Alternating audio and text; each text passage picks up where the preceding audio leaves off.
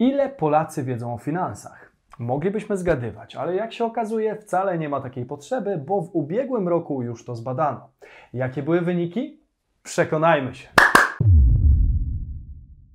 Cześć, z tej strony Damian Olszewski i witam Was serdecznie w programie Praktycznie o Pieniądzach. W 2020 roku NBP opublikował raport z wynikami badania świadomości i wiedzy ekonomicznej Polaków, który zawiera jedyne 80 stron analiz i wykresów. Także jeśli chcielibyście mnie zmotywować do opracowywania dla Was tego typu dokumentów, to łapka w górę i wracamy do badań. Sprawdźmy zatem, jak jest tak naprawdę z tą naszą wiedzą ekonomiczną. Głównym celem projektu było sprawdzenie stanu wiedzy społeczeństwa polskiego na temat ekonomii i gospodarki i sprawdzenie, w których obszarach potrzeba więcej edukacji. Kochani, podejrzewam, że wyniki byłyby zupełnie inne, gdyby badania przeprowadzono wśród naszej społeczności. Nie żebym się podlizywał. Jak poszło ankietowanym? Odpowiadali średnio na 24 z 41 pytań z testu wiedzy ekonomicznej. Z wyników wyszło, że 14% ma niską i bardzo niską wiedzę, 33% średnią, 45% wysoką, a jedynie 7% bardzo wysoką. Jakie jest w takim razie nasze podejście do wiedzy ekonomicznej? Aż 70% z nas uważa, że jest ona potrzebna w życiu codziennym, co napawa entuzjazmem, ale już 53% uważa, że ekonomia i finanse są mało interesujące, a do tego 69% sądzi, że są to tematy trudne do zrozumienia. Postaramy się to zmienić. Pytanie, jak sami oceniamy swoją wiedzę? Nasza samoocena jest w tym temacie bardzo niska. Jedynie 8% z nas uważa, że nasza wiedza jest raczej duża. Co ciekawe, żaden z respondentów nie ocenił swojej wiedzy bardzo wysoko. Skąd taka skromność? Wpływ na naszą samoocenę mają różne czynniki, m.in. wiek. Najwyższa samoocena dotyczy osób pomiędzy 25 a 55 rokiem życia.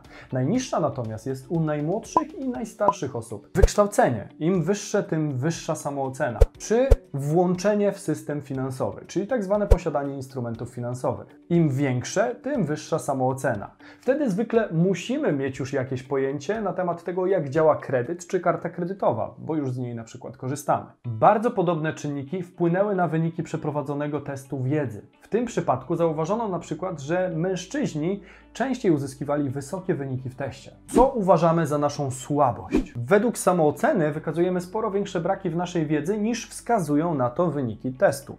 Oceniamy się więc sporo gorzej niż jest w rzeczywistości. Jesteśmy przekonani, że mało wiemy o mechanizmie inflacji czy funkcjonowaniu instytucji finansowych. Okazało się jednak, że największym problemem dla respondentów była strefa i waluta euro, która była również wskazywana jako nasz najsłabszy punkt w samoocenie. Najlepiej czujemy się w gospodarowaniu budżetem domowym. Wskazało tak aż 39% ankietowanych. Możliwe, że to dlatego, że większość z nas ma z nim jakąś mniejszą lub większą styczność.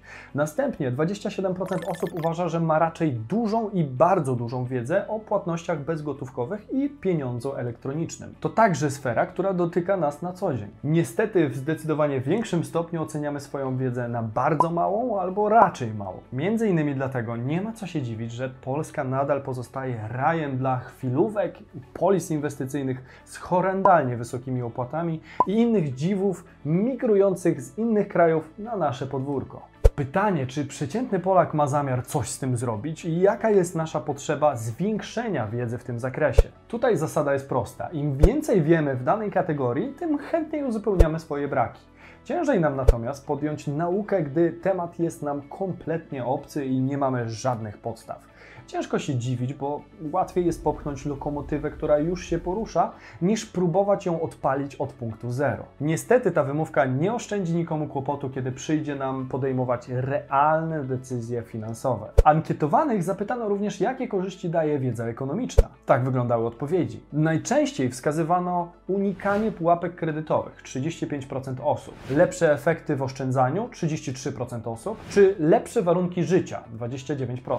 Co ciekawe, 3% respondentów napisało, że znając się na finansach mogliby zarabiać duże pieniądze kosztem innych.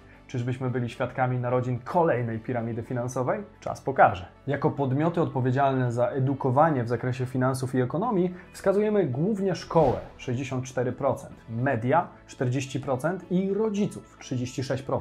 No i tu pojawia się cały problem, bo w szkole zwykle uczą nas osoby, które nie osiągają większych sukcesów finansowych. W mediach zwykle mówią językiem giełdy i rzadko uczą podstaw. Z kolei rodzice, mimo najszczerszych chęci, podobnie jak nauczyciele, mogą przekazać nam wiedzę o przydatności równej grubości ich własnych portfeli. Skąd zatem sami najchętniej czerpiemy taką wiedzę? 31% wskazuje internet, 27% własne doświadczenia, a 25% programy telewizyjne. Kolejną istotną sprawą jest to, w jaki sposób gospodarujemy pieniędzmi.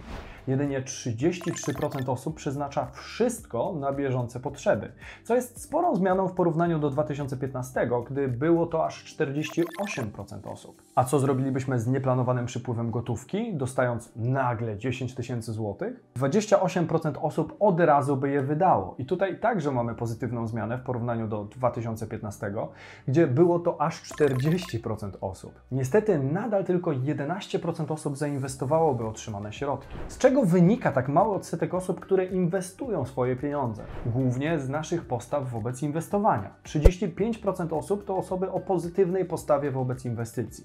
28% o negatywnej postawie i 37% o postawie ambiwalentnej, czyli raz na tak, a raz na nie. Choć przydałoby się uzupełnić braki w niektórych segmentach, to chyba nie jest z nami aż tak źle. A jeśli sami chcecie pogłębić swoją finansową edukację razem ze mną, to dajcie łapkę w górę i subskrybujcie kanał tutaj. Do zobaczenia w kolejnym odcinku. Cześć!